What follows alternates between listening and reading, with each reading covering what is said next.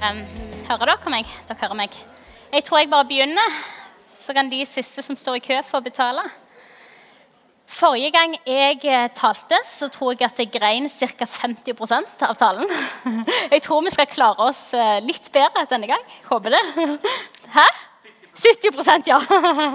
Øke tårenivået. Håper det blir en litt tørrere tale. Du, um, Min gode pappa talte på G11 i dag. og Av alle versene og kapitlene i Bibelen så valgte han akkurat de to som jeg hadde planlagt å snakke om òg. Så jeg tenkte om hele resten av talen ikke blir riktig, så fikk jeg iallfall kapitlene riktig. Og det kan jeg jo være glad for. Du, nå i høst så har vi det jo sånn på gudstjenesten at den som taler, kan få sjøl velge hva han snakker om. Så jeg spurte han Ingel om hun hadde forslag eller ønsker, siden hun styrer sjappa når Elling er i pappaperm, så sa hun du kan få velge akkurat hva du vil. Så det gjorde det ikke så veldig mye enklere. Men eh, så sa hun òg at du skal få velge det som ligger på toppen av hjertet ditt. Og det gjorde det heller ikke så veldig mye enklere, for det ligger ganske mange forskjellige ting der. Um, men jeg eh, fant ut at jeg hadde veldig lyst til å snakke om det som har med Guds nærvær å gjøre. Um, ikke fordi at jeg nødvendigvis har fått alt det så veldig på plass, men fordi at det er òg en veldig um, prosess som jeg går sjøl nå. Gått lenge. Frykter jeg skal gå lenge òg. Ikke frykte, det er en veldig god prosess å gå. Men det er iallfall det som er temaet for i dag. Um, jeg har en litt sånn halvstore skrekk i livet. Og det er at jeg skal klare meg veldig godt på egen hånd. For jeg klarer meg veldig godt på egen hånd. Jeg fikser livet ganske godt på egen hånd. Jeg fikser jobben min ganske godt. Jeg fikser familien min ganske godt. og Sikrer meg en god ektemann har jeg. og gode venner. Og jeg klarer livet egentlig ganske godt. Eh, og frykten min er litt at jeg skal klare meg for godt alene. Og at jeg skal komme litt langt ut i løpet før jeg skjønner at jeg har klart meg veldig godt alene uten å innlemme Gud så veldig mye i det. For jeg har lyst til å leve på en måte som gjør at jeg er avhengig av Han. Avhengig av um, Han og er åpen og gjør rom for Han i livet mitt. At jeg ikke bare tenker at dette er sikkert lurt å gjøre, eller at dette liker sikkert Gud, men at jeg tar meg tid til å prate med han, høre hva han sier, høre hva han sier om hvem jeg skal prate med. Skjønner dere hva jeg mener? At jeg på en måte skal bare gjøre rom for at, for at han skal få plass. Um, og i den prosessen så har dette med Guds nærvær blitt enormt viktig for meg. Fordi at Guds nærvær handler om å ha en relasjon med Gud se Gud ansikt til ansikt og skape rom for han. Um, jeg liker veldig godt ting som er konkrete og håndfaste og logiske. Og selv om jeg kan være ganske svevende som type, så um, liker jeg veldig godt de tingene som er konkrete. Uh, og Derfor har dette her med Guds nærvær vært litt sånn vanskelig for meg. fordi det er ikke så veldig konkret. Det er litt diffust. Det er litt sånn det er litt sånn hakket oversvevende, vil jeg kanskje si. Eh, det er, og det er litt sånn at Gud er logiske, og han er håndfast, han er konkrete av og til. Og så er han av og til ikke det i det hele tatt. Og av og til så er det bare masse spørsmålstegn rundt meg om hva som egentlig skjer, og hva han egentlig holder på med, og hvorfor han egentlig gjør som han gjør. Men det er et godt sted å være, for det er en grunn til at det er han som er Gud, og ikke meg. Um, men dette, med, som, dette, som har med Guds nærvær, har rett og slett vært litt diffus for meg. Jeg har kommet til gudstjenesten, og jeg har sunget sanger om Guds nærvær. Sunget sanger om at jeg elsker Guds nærvær. Eh, sanger om at jeg vil bytte alt for Guds nærvær. Og det er det eneste som har betydd noe. Og Jeg har sunget sangene, og jeg har tenkt dette gjør noe med meg, men jeg skjønner ikke det hele tatt hva jeg synger for noe. Jeg skjønner ikke hva det jeg vil bytte verden bort for å få igjen. Det er litt som bare litt som en sky som bare står der, så du tenker ja, jeg vil gjerne ha det, men skjønner det ikke helt. Eh, og For meg har dette blitt en vandring med Guds nærvær. Og det er fortsatt en vandring om å bli mer kjent med Gud og forstå det. Så denne talen er kanskje i vel så stor grad at dere blir litt med meg i en prosess. I en vandring. Jeg har ikke fått dette her helt på plass sjøl om jeg har vært i Betel et helt år. Go figure. Så spørsmålet er jo hva gjør jeg med Guds nærvær? Hva har Guds nærvær å si for måten som jeg tenker på og lever på? Og påvirker det visjonen og fokuset for livet mitt? Karoline sa i begynnelsen at hun likte når jeg talte. for dette kom liksom litt sånn punktvis. Hva skal jeg snakke om for noe? Det hadde jeg egentlig ikke tenkt, men når hun sa det, så tenkte jeg nå må jeg i hvert fall tenke punktvis. Så jeg skal snakke først om hva er Guds nærvær, så om Bibelen, og så om hvordan vi øver oss i Guds nærvær. Er det greit? Bra. Det henger med. Good. For å få litt bredde og visdom med dette med Guds nærvær, så har jeg spurt noen nydelige mennesker her i IMI om å svare på to ting. Så må dere lytte nøye. Punkt 1. Hva er Guds nærvær? Se her, når jeg er på utkikk etter gode svar, så det hjelper å spørre noen. Punkt 2. Hvorfor er det viktig for deg? Det er ganske lette og små spørsmål, vil du ikke si det?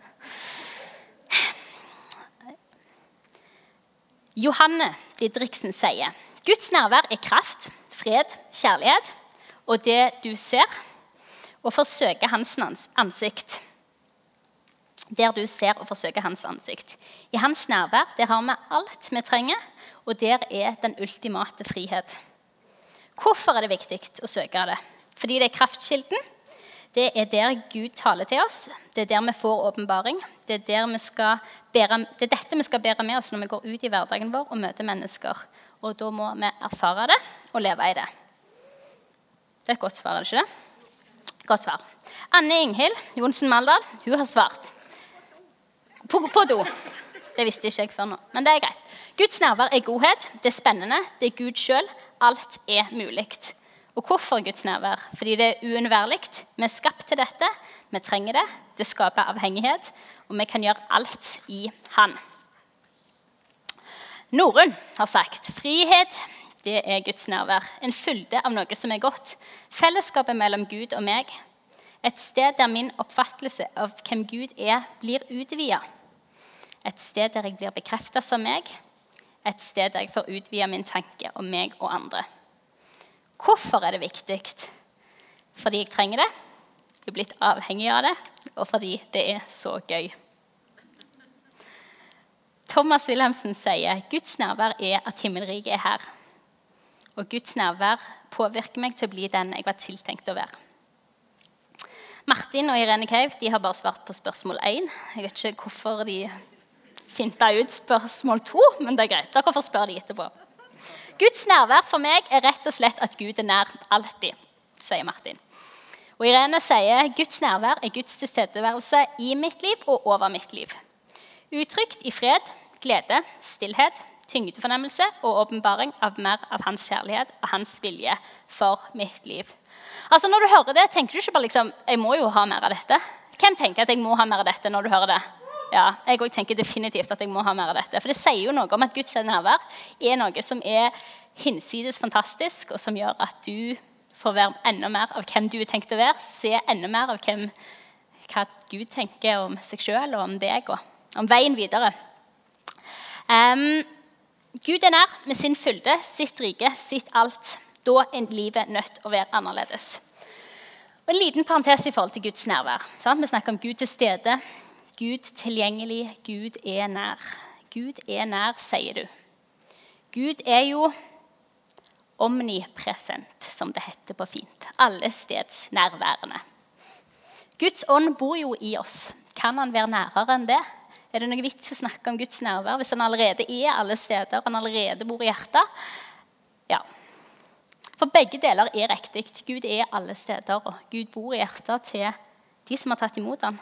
Men allikevel så ser vi både i Bibelen og i kirkehistorien og av egen erfaring her i kirka at Gud av og til er tydeligere til stede enn andre ganger. Fordi at Kanskje ikke alltid fordi han er tydeligere til stede, men fordi vi enda tydeligere retter blikket mot han og skaper rom for han, sånn at han kan komme enda i større grad ned med sitt nærvær.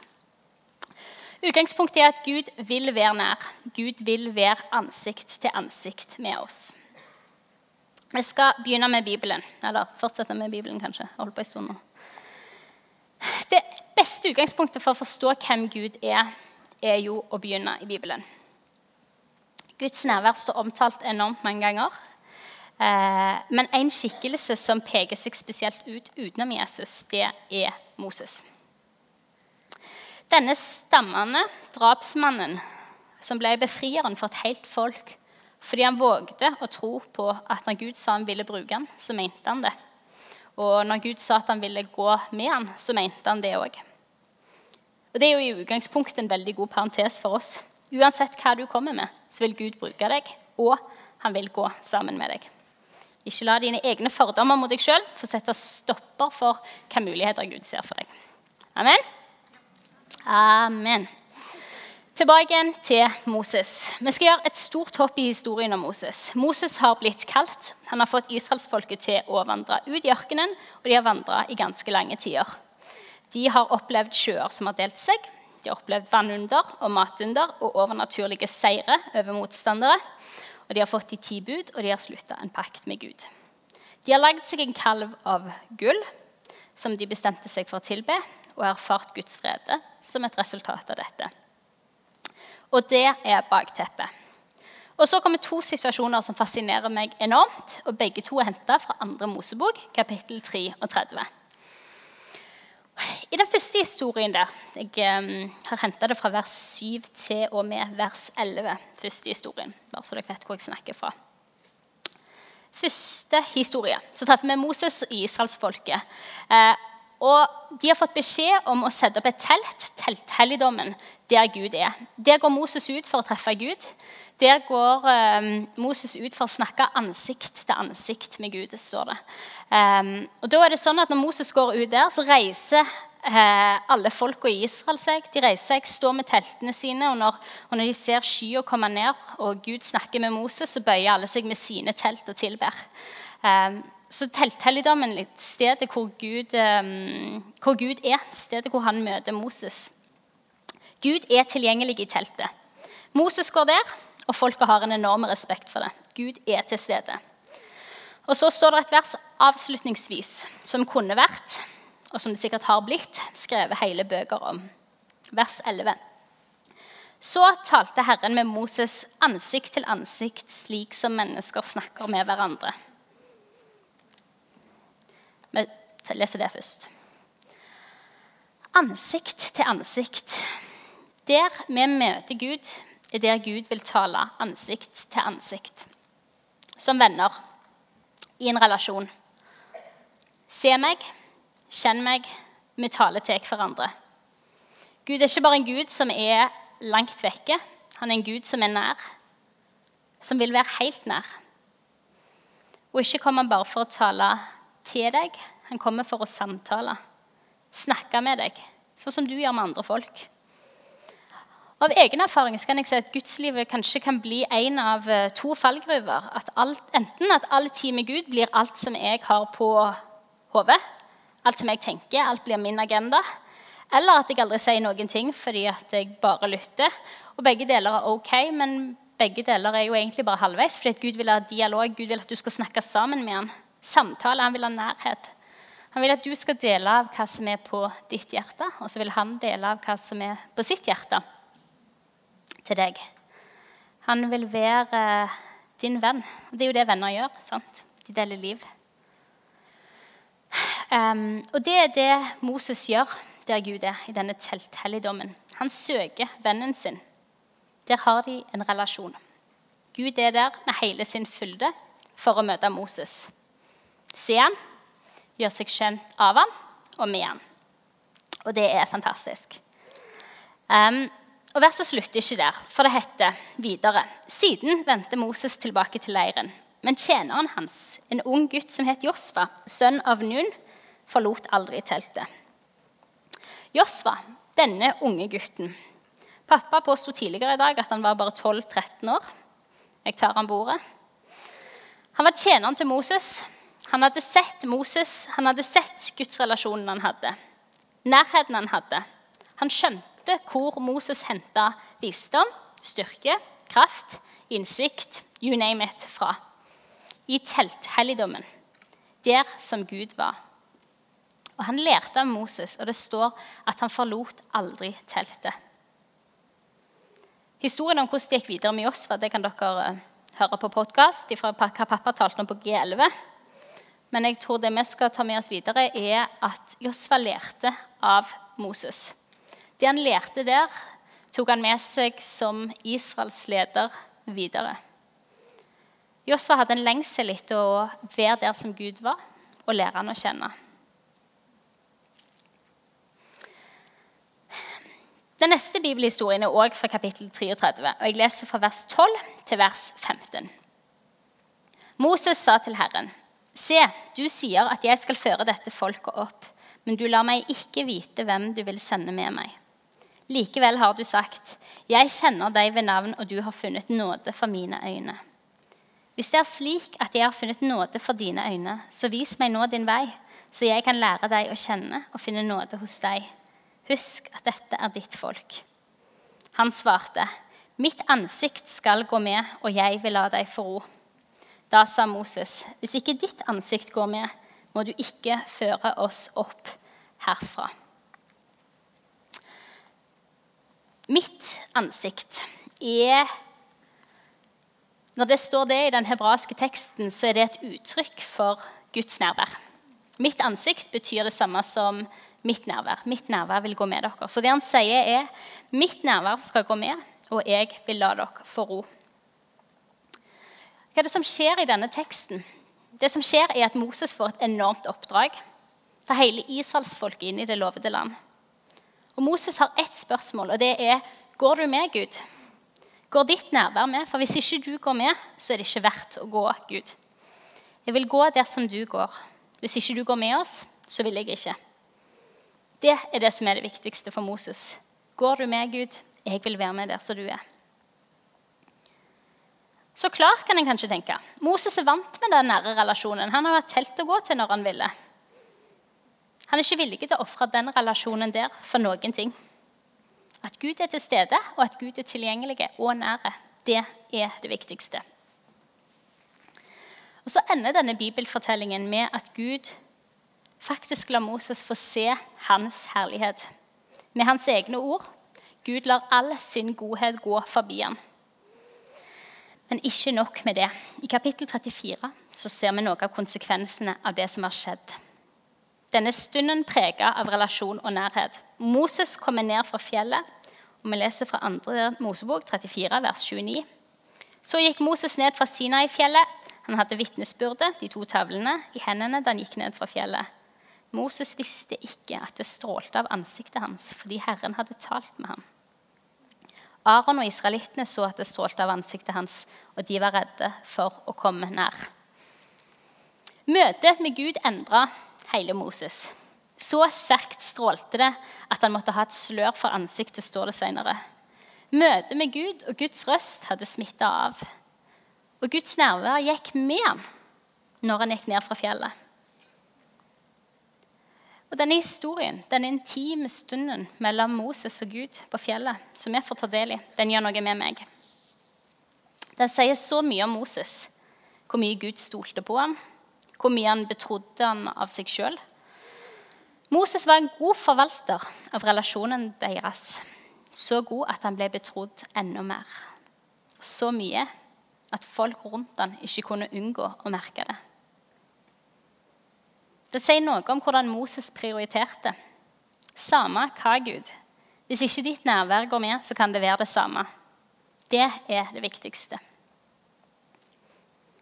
Historien sier noe om Gud, at han vil la sitt nærvær gå med. Når Gud er nær, så er han nær med alt han er. Med fred, med glede, med kjærlighet, med sin godhet, med sin herlighet. Altså, Hvem vil ikke ha det med seg der som en går? Det må jo være fantastisk. Det siste som jeg vil trekke fram fra historien, er at Guds nærvær har endra Moses. Måten han ser ut på, og måten folk forholder seg til ham. Guds nærvær det har satt sitt merke. For det er det Guds nærvær gjør. Moses sjøl merka det ikke, at ansiktet hans strålte. Men folk rundt han kunne ikke unngå å se det. Kanskje Dette står ikke i Bibelen, dette er min tanke. Kanskje Moses ikke hadde opplevd noe på kroppen i det hele tatt. Kanskje vi av og til tenker at Guds nærvær det er hvis en blir slengt i veggen eller slengt i bakken eller har en eller annen sterk opplevelse. Kanskje han ikke hadde opplevd det i det hele tatt. Men han visste at han hadde prata med Gud. At han hadde fått sett Guds herlighet. Men han visste ikke hva det hadde gjort med ham. Kanskje vi ikke alltid er klar over hva Gud gjør i livene våre, før noen rundt oss oppdager det. Gjør det mening? Vi kan snakke om møtet med Guds nærvær. Og jeg tror Guds nærvær er i de store manifestasjonene òg. Men heldigvis tror jeg ikke han bare er der. Så ikke begrens hva Gud kan gjøre i deg, eller hva han har gjort i deg, basert på hvordan det har sett ut. Kanskje, bare kanskje, kan det være sånn at det ikke alltid er så tydelig for oss, men at det er tydelig for andre. Så la oss oppsummere bitte litt så langt. Guds nærvær er at Gud er nær. Det var det viktigste for Moses. Det var det han søkte. Det var utgangspunktet for livet. Å være nær Gud og samtale med Han ansikt til ansikt. Hente visdom og kraft fra denne kilde. Det var òg det han lærte videre til Josfa. Prioritet nummer én å være sammen med Gud. Det må jo sies at Utgangspunktet for Guds nærvær jo er at vi har en Gud som ønsker, ja, lengter, etter å være nær oss. Jesus er jo det tydeligste bildet på det. Gud vil være nær. Kanskje vi ikke alltid opplever det sånn, men utgangspunktet er at Gud vil være nær. Vi vet ikke hvorfor, men jeg vet at når vi kaller på Han, uavhengig av hvordan vi opplever det, så kommer Han.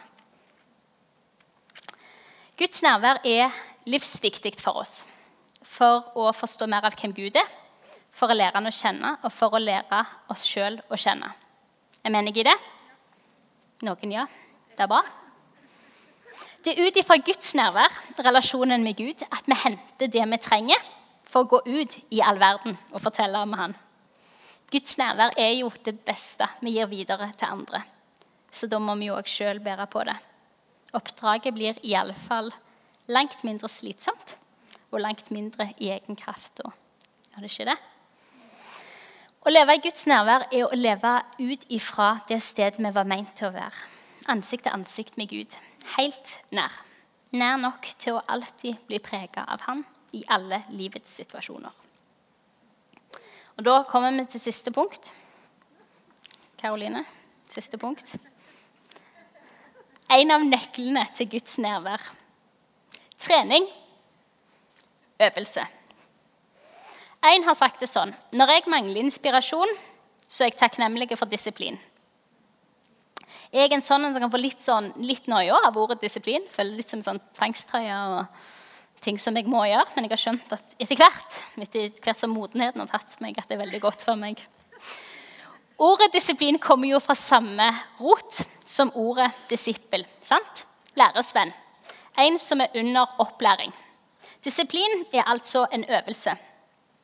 Jeg tror øvelse er en nøkkel til å bli kjent med Gud og Guds nærvær en øvelse kanskje på å ta imot. At vårt blikk skal. Få blikket opp. For Gud er jo veldig klar til å være nær. Øvelse på å være i Guds nærvær og øvelse på å kjenne det igjen. Kjenne igjen når Gud er nær. Et eksempel er jo at de du kjenner godt, de du kjenner best, de kjenner du kanskje igjen uten å se dem. Jeg har et uh, eksempel på det. Og det var det mange år siden jeg var på Hennes og Maurits. Og på andre sida av hjørnet så hørte jeg noen som nøys. Og jeg skjønte med en gang at dette var Miriam Irene som nøys. For jeg har vært nok rundt Miriam Irene til at jeg vet hvordan Miriam Irene nyser. Så jeg skjønte, hørte det, så tenkte jeg dette er hun. Jeg kjenner henne. Og Det er et litt banalt eksempel, og allikevel er det riktig. Sånn er det med Gud òg. Jo mer tid du bruker i lag med Gud, jo bedre lærer du han å kjenne. Og du lærer igjen å kjenne hva han sier, hvor han går, og hva han er. Øvelse. Av og til så jeg er litt sånn, jeg vil gjerne knipse med fingrene, og så er ting på plass. Så har vi det sånn som vi vil ha det, og sånn er det ikke alltid. Og jeg tror øvelse er superviktig i møte med Guds nærvær. Jeg skal gi dere et eksempel til. da jeg vet Sveinung om å komme opp. Sveinung vet ikke helt hva han skal opp for å gjøre. Tore lurte på om jeg skulle snakke om engler. at jeg derfor ville ha Elling så alle kunne se. Kunne vært, var ikke. Dette er Sveinung. Sveinung eh, Sveinung Fjermestad. Han eh, har jeg vokst opp med. Han har bodd rett over gata for meg i alle år, helt til vi flytta ut begge to. Han var min første kjæreste, men det kan ikke Sveinung huske. Jeg vet ikke hva det betyr, men det er nå så. Sveinung er veldig mange ting. Sveinung er kanskje en av de snilleste menneskene jeg vet om. Han har mest sannsynlig kanskje den tørreste humoren av alle jeg vet om. Men det jeg vil snakke om i dag, er at Sveinung er en glimrende musiker. Dere har sett han uh, spille her framme. Og det som er at meg og Sveinung har alltid vært veldig gode venner. Og når vi gikk kanskje i Kanskje jeg gikk i tiende og du gikk i niende. Jeg vet ikke helt hvor gamle vi var. Men vi fant ut, Sveinung fant ut at han skulle lære å spille kassegitar. Husker du dette? Ja, jeg må bare sjekke siden noe. Han skulle lære å spille kassegitar, og jeg slang meg på. Jeg også skulle lære å spille kassegitar. Så vi hadde en sånn Lillebjørn Nilsen-gitarbok. Og Sveinung kom over gata med gitaren under armen, og Lillebjørn Nilsen-boka den andre. Og vi øvde. Vi starta ut ganske liksom likt. Vi kom til side én og side to, og så gikk det ikke så veldig lang tid før liksom Sveinung var far ahead. En ting er at Sveinung har en god dose med talent, men Sveinung er også veldig flink til å øve. Og ikke bare var Han flink til å øve, han gikk på skole for å lære det. har gått mange år og lært det, og er nå blitt en framragende musiker. Mens jeg derimot jeg kan fortsatt bare, hvis jeg legger godviljen til, spille 'Hang Down Your Head' om Dooley. og det er ikke mye til partydrinks, folkens. Det kan jeg iallfall si. Takk, Sveinung. Så det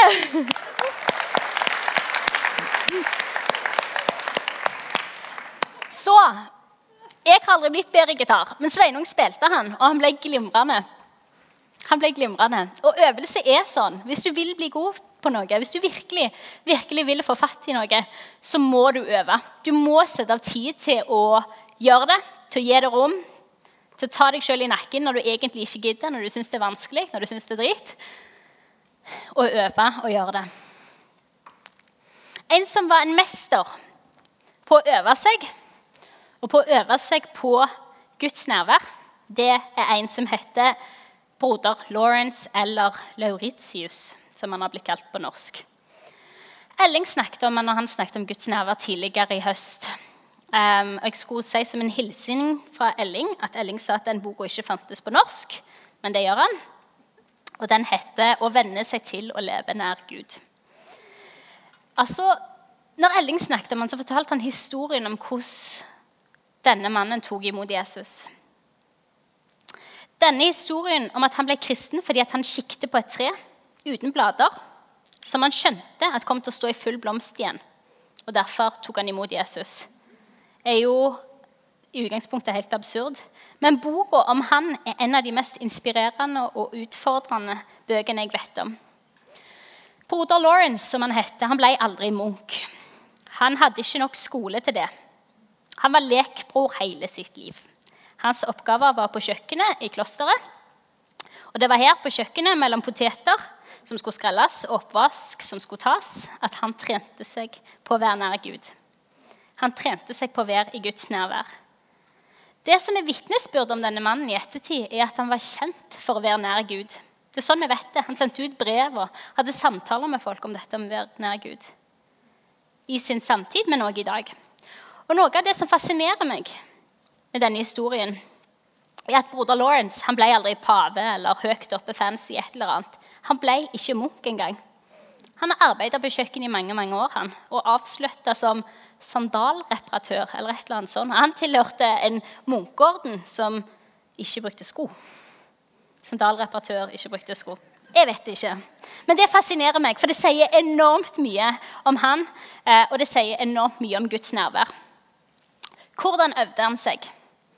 Han begynte ganske enkelt å tenke på Gud. Tenke at han var der, at Gud er i himmelen, og samtidig sammen med oss. Han gjorde det til en vane å tenke at Gud var der. Tenke at Gud var der. Og Neste steg for broder Lorentz det var å snakke til Gud. Først tenke at Gud var nær, for så å snakke til han. Og Derfra var veien til å sette seg stille ned for å lytte etter svar ikke så veldig lang. Ai, ai, ai, tenker jeg. Så vanskelig og komplisert vi kan gjøre det. Så himla enkelt han gjorde det. Han gjorde seg tilgjengelig for Gud, det var det han gjorde, mens han skrelte poteter.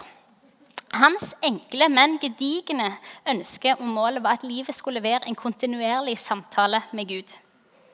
At han hele tida retta blikket sitt mot Gud. Og når han mista fokus, så bare retta han blikket tilbake igjen. Han banka ikke seg sjøl opp fordi han mista fokus. Han bare fokuserte igjen. Og Motivasjonen hans var så tydelig. Å gjøre alle ting i kjærlighet for Gud. Å plukke opp et strå fra bakken eller snu ei kake på stekepanna. Alt for Guds kjærlighet.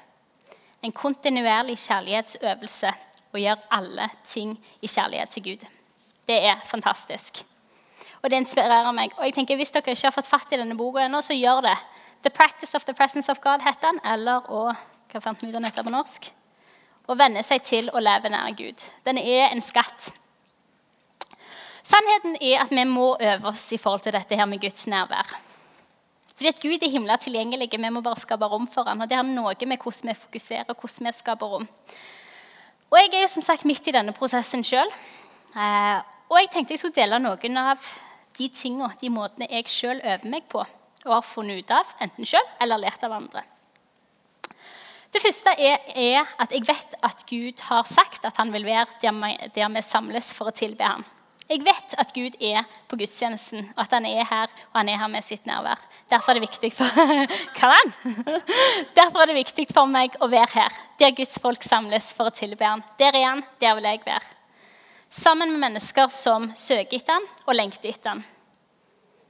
Jeg vil være på bønnemøte før gudstjenesten sammen med mennesker som søker etter ham og lengter etter ham. Der som folk har gjort det tilgjengelig, hvor det egentlig er bare liksom dekka bord, hvor du egentlig bare kan komme for være, og være i Guds nærvær. På helbredelsesrommet, hvor folk kommer bare for å søke og erfare Guds nærvær. Altså Menigheten har lagt til rette for en hel del plasser her hvor vi faktisk kan komme for å søke Guds nærvær andre ting. Jeg gjør konkrete ting i hverdagen min. Jeg har en sånn som dette her, en sånn en buzzer som vibrerer hvert 15 minutt. Som minner meg på å rette blikket mot Jesus og fortelle, meg, og fortelle han hva jeg liker med han. Um, en enkel ting, men dog så virkningsfull. Jeg har lært å ta, øve meg på dette. Dette øver jeg meg på. Det kan være vanskelig. Det er travelt å jobbe i IMI. Å ta fem minutters ferier i hverdagen min. Og bare ta fem minutter i hverdagen hvor jeg bare sier Gud, her er jeg. Nå alle telefoner, alt som skal være gjort. Nå tar jeg fem minutter, og så bare retter jeg blikket mitt mot deg igjen. Sone ut alt annet. Nå retter jeg blikket mitt mot deg. Jeg eh, øver meg på å tenke på den før jeg sovner. For en glimrende måte å sovne på. Hvor jeg bruker tid hvor Jeg bare, jeg har jo veldig lyst til å sovne ganske kjapt. så jeg bruker ikke så veldig lang tid. Men hvor jeg forteller han hva jeg liker med han. Han svarer på hengivenhet. Han er klar til å komme. Jeg tilber han, vender blikket mot mitt mot han og forteller han hva jeg liker med ham. Bruker også tid på tilbedelse når jeg ikke er på gudstjeneste. Søke intimiteten med Gud, ikke bare i de store forsamlingene, men òg når jeg er alene. Bli kjent med ham, kjenne han igjen. Lovsang er et sted for Guds nærvær. Jeg ønsker å ære Guds nærvær. Det er et ansvar, det òg. Ønske han velkommen og få han til å føle seg velkommen. Og leve livet som om han var velkommen. Så øver jeg meg i å være bevisste på Guds nærvær. Og være nærværsfokuserte. Se for deg at du hadde hatt ei due på skulderen. Hvordan ville du oppført deg da? Du ville jo tatt hvert eneste skritt litt sånn i bevissthet på denne dua, med, liksom, med dua i tankene. Sånn vil jeg at det skal være i mitt liv med Guds nærvær òg. At livet mitt er et sted hvor han elsker å være. Hvor han elsker å hvile, bare henge ut. Hvordan kan det se ut? Med at jeg øver meg i å vende blikket mot han. Med at jeg følger meg med hans ord. Med at jeg bruker tid med han. Og sist, men ikke minst, når jeg må jobbe sjøl litt for å kjenne Guds nærvær, at jeg omgir meg med folk som gjør det. At jeg omgir meg med folk som søker han, og som har samme fokus. Og ære de som bærer Guds nærvær. Og heie på dem og lære av dem og være rundt dem. Jeg eh, vet om ei veldig flott dame som er en sånn en for meg, og det er Norunn. Fine Norunn. Hun elsker å være i Guds nærvær. Det er bare lyset av Norrøn. Det tyder både utdanna og vi ser det, alle som er, at det er best for Norrøn i verden å være i Guds nærvær. Hun elsker det. Um, og Når jeg sjøl har gått mine runder og ikke helt skjønt poenget med Guds nærvær, så har det vært nydelig å se på Norrøn. Det er så viktig. Ikke fordi hun må, men fordi hun ikke kan la være. Og sånn som du sa tidligere, bare fordi det er så gøy. Det er konge. Omgi deg med folk som utfordrer deg og inspirerer deg til dette. Les om de som har gått før og gjort det. Broder Lawrence en sånn som de. Anerkjenn han, bibelhistoriene, sånn som Josva gjorde. sant? Han så relasjonen Moses og Gud hadde. Han så hva nærvær som fulgte Moses, og det gjorde noe med han. Han ærte den relasjonen som Moses hadde med Gud. Og det, det vil jeg vi skal avslutte med. Altså Med Guds nærvær og i Guds nærvær så kan det utrolige skje.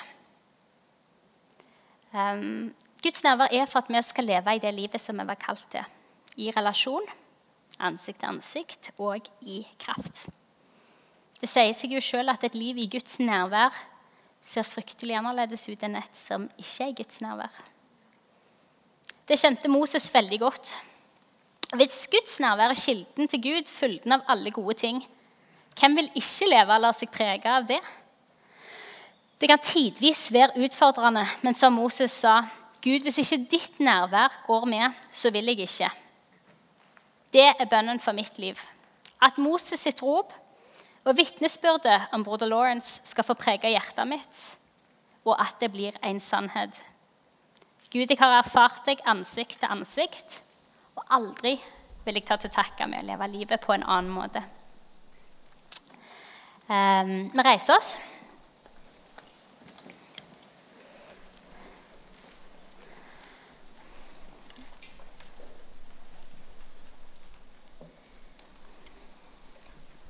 Gud, jeg takker deg for at uh, du er nær, Herre. At du elsker å være nær, Herre. Du elsker å være til stede. Og for vi har så lyst til å gjøre rom for deg i livet vårt. At vi ikke skal være så fokusert på de tingene som vi har å fòre, men at vi skal gjøre rom for deg, Jesus. Så takk for at det er ingen bedre sted å være enn der. Ditt nærvær, Jesus all din godhet, Herre, med all din glede og begeistring, med all din fred, Jesus.